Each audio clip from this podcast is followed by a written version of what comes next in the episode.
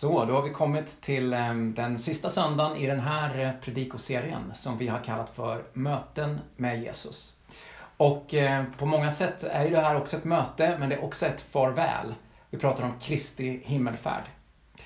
Jag heter Martin Wernerlid och har varit med i Mötesplatsen i tre år ungefär. Jag är gift med Matilda och vi har tre barn. Jättefint att se er, även om vi ses så här via skärmen. Så ser vi fram emot att snart kunna träffas också Eh, på plats i samma lokal. Så vad är nu det här med Kristi himmelfärd då? Vad är det det handlar om? På julen så firar vi ju att, eh, att eh, Gud blir människa i Jesus Kristus. På, på påsken, på, på långfredagen, då firar vi att Jesus dör för våra synder. Och på påskdagen att han har uppstått för oss. Men vad då Kristi himmelfärd? Det är någonting som jag mest förknippar med en lång helg, ledighet, början på våren och inte så mycket med min kristna tro. Det är nästan tvärtom, att det inte är någonting som firas, utan det är nästan någonting som vi är lite generade över. Det här att Jesus skulle liksom, Kristi flygare säger vi ibland, att han skulle gett sig ut och, och liksom svävat på något sätt, det låter väldigt märkligt. Nästan någonting som vi vill tona ner eller som vi tycker är genant. Men himmelsfärden, det är någonting som de första kristna fäste en väldigt stor vikt vid. Och här i Lukas 24 efter att Jesus har uppstått så blir lärjungarna ögonvittnen till när Jesus lämnar dem och tas upp till himlen. Och det här i Lukas berättelse så är det här någonting viktigt som händer. Han vill förbereda läsarna för att här kommer det hända någonting. Vid ett tillfälle så pratar Jesus om sitt uttåg ur världen som snart ska komma. I Lukas 9 och 51 så står det att, eh, att Jesus nu eh, vände stegen mot Jerusalem, för tiden hade kommit för att han skulle bli upptagen till himlen. Så efter korset och uppståndelsen så avslutar Lukas med de här allra sista verserna i evangeliet eh, sin bok med just himmelsfärden. Så vad handlar det här om då? Att Jesus blir upphöjd till himlen, det verkar vara väldigt viktigt för de första kristna och vi ser det också på andra ställen i Nya Testamentet. Petrus predikar redan i Apostlagärningarna 2 så här. Denna Jesus som Gud har uppväckt och vi alla vittnen till det, han har blivit upphöjd till Guds högra sida, säger Petrus. Paulus skriver i Filipperbrevet 2 att Kristus, han var den som ödmjukade sig och han blev lydig ända till döden, döden på korset. Och därför har Gud upphöjt honom över allting och gett honom namnet över alla andra namn. I Hebreerbrevet så står det också gång på gång att Jesus är den som har stigit upp genom himlarna och nu sitter på Guds högra sida. Och det är även så i de här kristna tidiga trosbekännelserna, den apostoliska och den nisianska, att så att Jesus på tredje dagen är uppstånden igen från de döda, uppstigen till himlen, sittande på allsmäktig Gud, Faders högra sida. Så varför har vi det här nedtecknat i Bibeln? Varför blir lärjungarna ögonvittnen till det här tillfället när Jesus tas upp till himlen? Vad betyder det? Vad är det som vi kanske missar idag? Och vad spelar det för roll? Det skulle jag vilja dela med dig om idag. Det finns två bilder som kan förklara hur de första kristna såg på Kristi himmelfärd. Jag tänkte, räck upp handen om du har tittat på Netflix-serien The Crown. I vår familj har vi följt den slaviskt och jag ser att det är flera som har gjort det. Den, den första bilden, den handlar om att Jesus vid himmelsfärden intar den första och högsta platsen i universum. För de första kristna så var det tillfället då Jesus blir krönt till konungarnas kung och får platsen på Faderns högra sida i himlen. I den här brittiska serien, om jag visar en bild här på kröningen, när eh, Elisabeth eh, i den här långa kröningsceremonin som sändes på TV, liksom, med massor med vittnen, när hon äntligen får sitta ner på den där tronen som hon var bestämd för, ja då gör hon det som regent för, eh, eh, eh Storbritannien. Och det finns en scen där när hon intar sin rätta plats och bestiger tronen. Och det är vad som Lukas menar händer den här dagen. Kristi himmelfärd. Att Jesus intar sin plats i himlen. Det är en kröningsceremoni där lärjungarna får vara vittnen. där Jesus får hedersplatsen i himlen. Och han är inte en iskall regent eller en avlägsen regent, utan det är Gud själv som har ödmjukat sig och lidit för människors skull. Han som har valt att gå lägst, han blir upphöjd. Och för flera tusen år sedan så profeterade också Daniel att något liknande skulle hända i kapitel 7. Han sa, jag såg vidare i synen om natten hur en som liknade en människa kom med himlens skyar. Han nalkades den uråldriga och fördes fram inför honom. Åt honom gavs makt, ära och herravälde, så att människor av alla folk, nationer och språk skulle tjäna honom.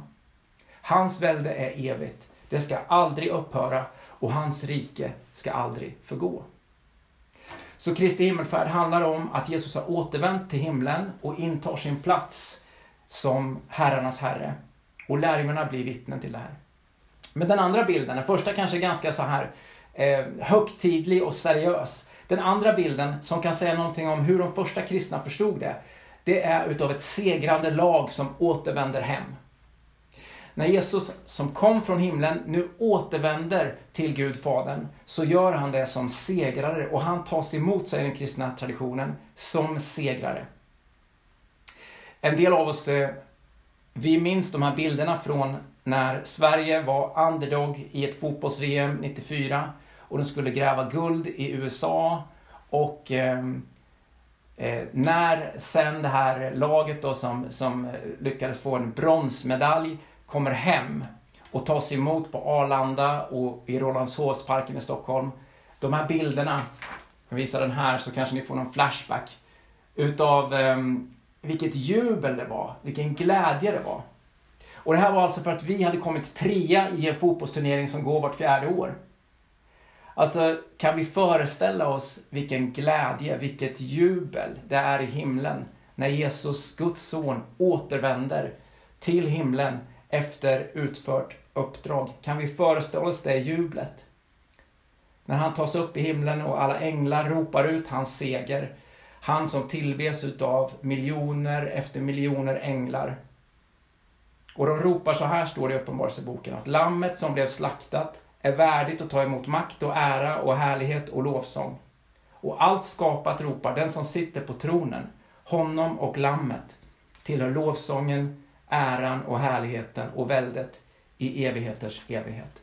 Och det här är bara en försmak på det, det jubel som kommer uppstå när Jesus Kristus en dag kommer tillbaka. Så det här är lite utav bakgrunden, var, varför det här var så viktigt för de första kristna. Och vad betyder då det här för oss? Ja, om det här nu är sant. Om det är så att vi sitter här i Örebro, i våra olika soffor och vardagsrum och eh, bilar. Och Jesus Kristus samtidigt sitter i himlen som uppstå, uppstånden människoson. Vad betyder det då för oss? Och de första kristna säger att när Jesus uppstod så gjorde han det, enligt Lukas, med sin fysiska kropp. Människosonen Jesus som levde i Nasaret, han har nu blivit fysiskt upphöjd till himlen med kött och ben. Han är fortfarande både Gud och människa som sitter på Faderns högra sida i himlen. Jesus säger efter uppståndelsen i den här texten som Frida läste från Lukas 24. Se på mina händer, se på mina fötter. Det är jag och ingen annan. Känn på mig och se på mig. En ande har inte kött och ben och det kan ni se att jag har. Och så står det, och han visade dem sina händer och fötter. Han visade dem sina händer och fötter. Han säger, rör vid mig. Det står att han, han åt en bit stekt fisk. Han visar dem märkena efter korsfästelsen som fortfarande finns på hans händer och på hans fötter. Precis som han visade Thomas sin sida, sina händer.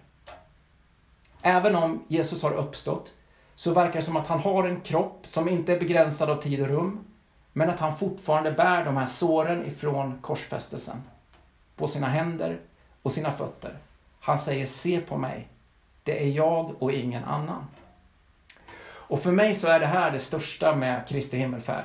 Att den som sitter på Guds högra sida i himlen, som är regent över universum, den som har återvänt till himlen som segrare, det är den Gud som bär våra sår på på sina händer och fötter.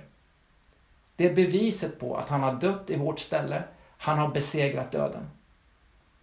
När vi ser på den person som har all makt i himlen och på jorden, vars namn är upphöjt över alla namn som någonsin kan nämnas, så är det en Gud som bär våra sår med sig in i himlen. Mänskligheten finns nu på plats i treenigheten. Gud, Fader och, och, och Gud, Fader, Sonen och Anden. Och i den här bilden, att Jesus nu sitter på Guds högra sida med märken på händer och fötter, så finns det flera saker som berör mig och som jag kort skulle vilja dela med dig. Det handlar om att det finns tröst, att det finns vila och det finns hopp. För det första så tycker jag att det är en sån tröst att veta att Jesus sitter som människoson i himlen just nu. Det betyder att han så väl vet hur vi har det. Han vet verkligen hur det är att vara människa. Om det är så att Jesus sitter som människoson i himlen just nu, så kan han verkligen känna med oss. Han vet allt det här, hur det är att vara trött, hur det är att vara rädd, hur det är att bli sjuk. Han vet att många dagar så är det bara att trampa på. Man vet inte riktigt vad som pågår eller var man är på väg. Hans fötter har gått tillsammans med lärjungarna. Han vet hur viktigt det är för oss med vänner och ha andra som vi delar livet med. Han vet hur det är att gå till jobbet och kliva över tröskeln med en suck. Han vet vad det är att njuta och skratta. Hans händer har vidrört någons kind med en smekning. Hans händer har burit på tunga saker. Den har fört en bit fisk till munnen. Vilken tröst att vår Gud är en Gud som vet hur vi har det. Vilken tröst det är att vår Gud är den enda guden som har sår. Och även om vi inte helt förstår det, så är ju Jesus och Fadern och Anden och änglarna på något sätt involverade i våra liv. När vi går till jobbet på Epiroc och sjukhuset och universitetet och Götabro och skolan där vi är. Just där så är den här himmelska dimensionen precis intill, även om den är osynlig för oss. Det är en sån tröst för mig. För det andra, vilken vila det är att det står i Romarbrevet 8 att Jesus nu sitter på Guds högra sida och vädjar för oss. Det står att han för vår talan i himlen. Det betyder att jag inte behöver föra min egen talan. Inför den onde, inför andra människor, inför Gud. Det är Jesus Kristus som för min talan och din talan. Jesus inte bara vet vad det är att vara människa, han vet till och med våra namn, säger Bibeln. Han som sitter på Guds högra sida, på hedersplatsen. Han som kan rådgöra direkt med Gud Fadern. Han vet våra namn och han vädjar för oss, säger Romarbrevet. I en predikan från den 30 maj 1859 så säger den eh, brittiske predikanten Charles Spurgeon så här. I himlen behöver Jesus inte ens säga ett ord. Det enda han kan göra när han för människors talan i himlen är att han lyfter sina händer, märkta av korsets sår, och allting är sagt. Och därför säger Bibeln, när vi behöver hjälp, när vi står inför bekymmer, när vi eh, eh vill, vill dela allt det som finns inom våra hjärtan, låt oss närma oss Gud. Låt oss närma oss hans eh, tron i de stunder vi behöver hjälp. För det finns någon som bryr sig och som har medlidande och som vet hur vi har det. Och när lögner och förkastelse och den onde anklagar oss så kan vi bara säga Talk to the hand. Tala med handen. Jesus Kristus, för min talan. Jesus Kristus, han som har dött och uppstått, han som har sår i sina händer. Han för min talan och det är en sån vila. Och för det tredje, det är ett sånt hopp att veta att det är han och ingen annan som sitter på Guds högra sida. Den Jesus som vi har hört om i den här predikoserien, som är full av nåd och sanning, det är han och ingen annan som sitter på Guds högra sida. Jesus från Nasaret som gick runt i städer och byar, stod det, och gjorde gott, så att han botade alla. Det var han som pekade ut barnen och sa, Guds rike tillhör sådana som dem. Det var han som såg på människor med kärlek. Det är han som gråter över Jerusalem och som gör det än idag. Han som uppväckte Lazarus från döden. Det finns ingen annan än han som sitter på Guds högra sida i himlen, säger Bibeln. Det är in, inte någon eh, Trump, ingen Putin, ingen Caesar. Det är Jesus Kristus som vi vet namnet på. Det är han, säger Bibeln, som regerar i evighet. Han har världens framtid i sin hand. Det är en sån Gud med sår som sitter i himlen. Jag vet inte hur du känner, men vissa dagar så känner jag bara att ja, världen är ju liksom på väg mot en katastrof. I alla fall vissa dagar så verkar det så. Vi har klimathotet, vi har pandemin, vi har konflikter och massa tråkig kyrkopolitik. Och i allt detta är det liksom svårt att se vägen. Och det hopp som vi har, det är att Jesus Kristus kommer att få det sista ordet. När han en dag kommer tillbaka till jorden, så är det för att återupprätta skapelsen så som han har tänkt den från början.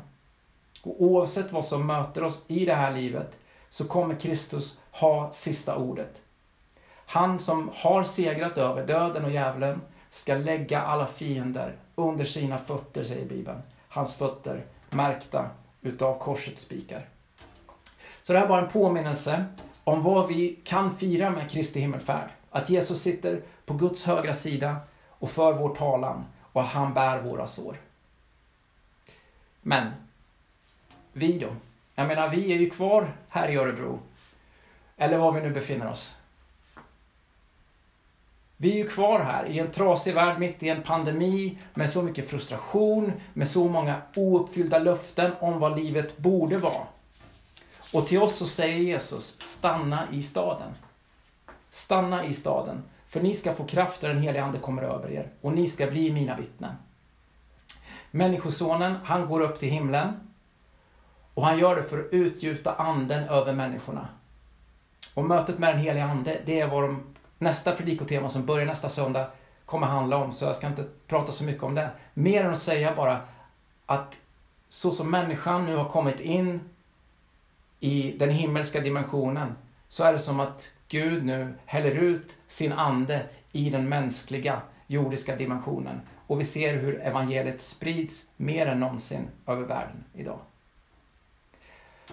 Och medan vi sitter här i Örebro, i hoppet om att Jesus ska komma tillbaka, så bär vi därmed också på en hemlighet. Och det är en underbar hemlighet. Hemligheten om att Jesus en dag ska återupprätta, återupprätta hela skapelsen. Och därför lever vi som Bibeln säger i tro utan att se. Vi kan inte se Jesus än. Vi kan inte se den verkligheten än. Men en dag kommer vi göra det.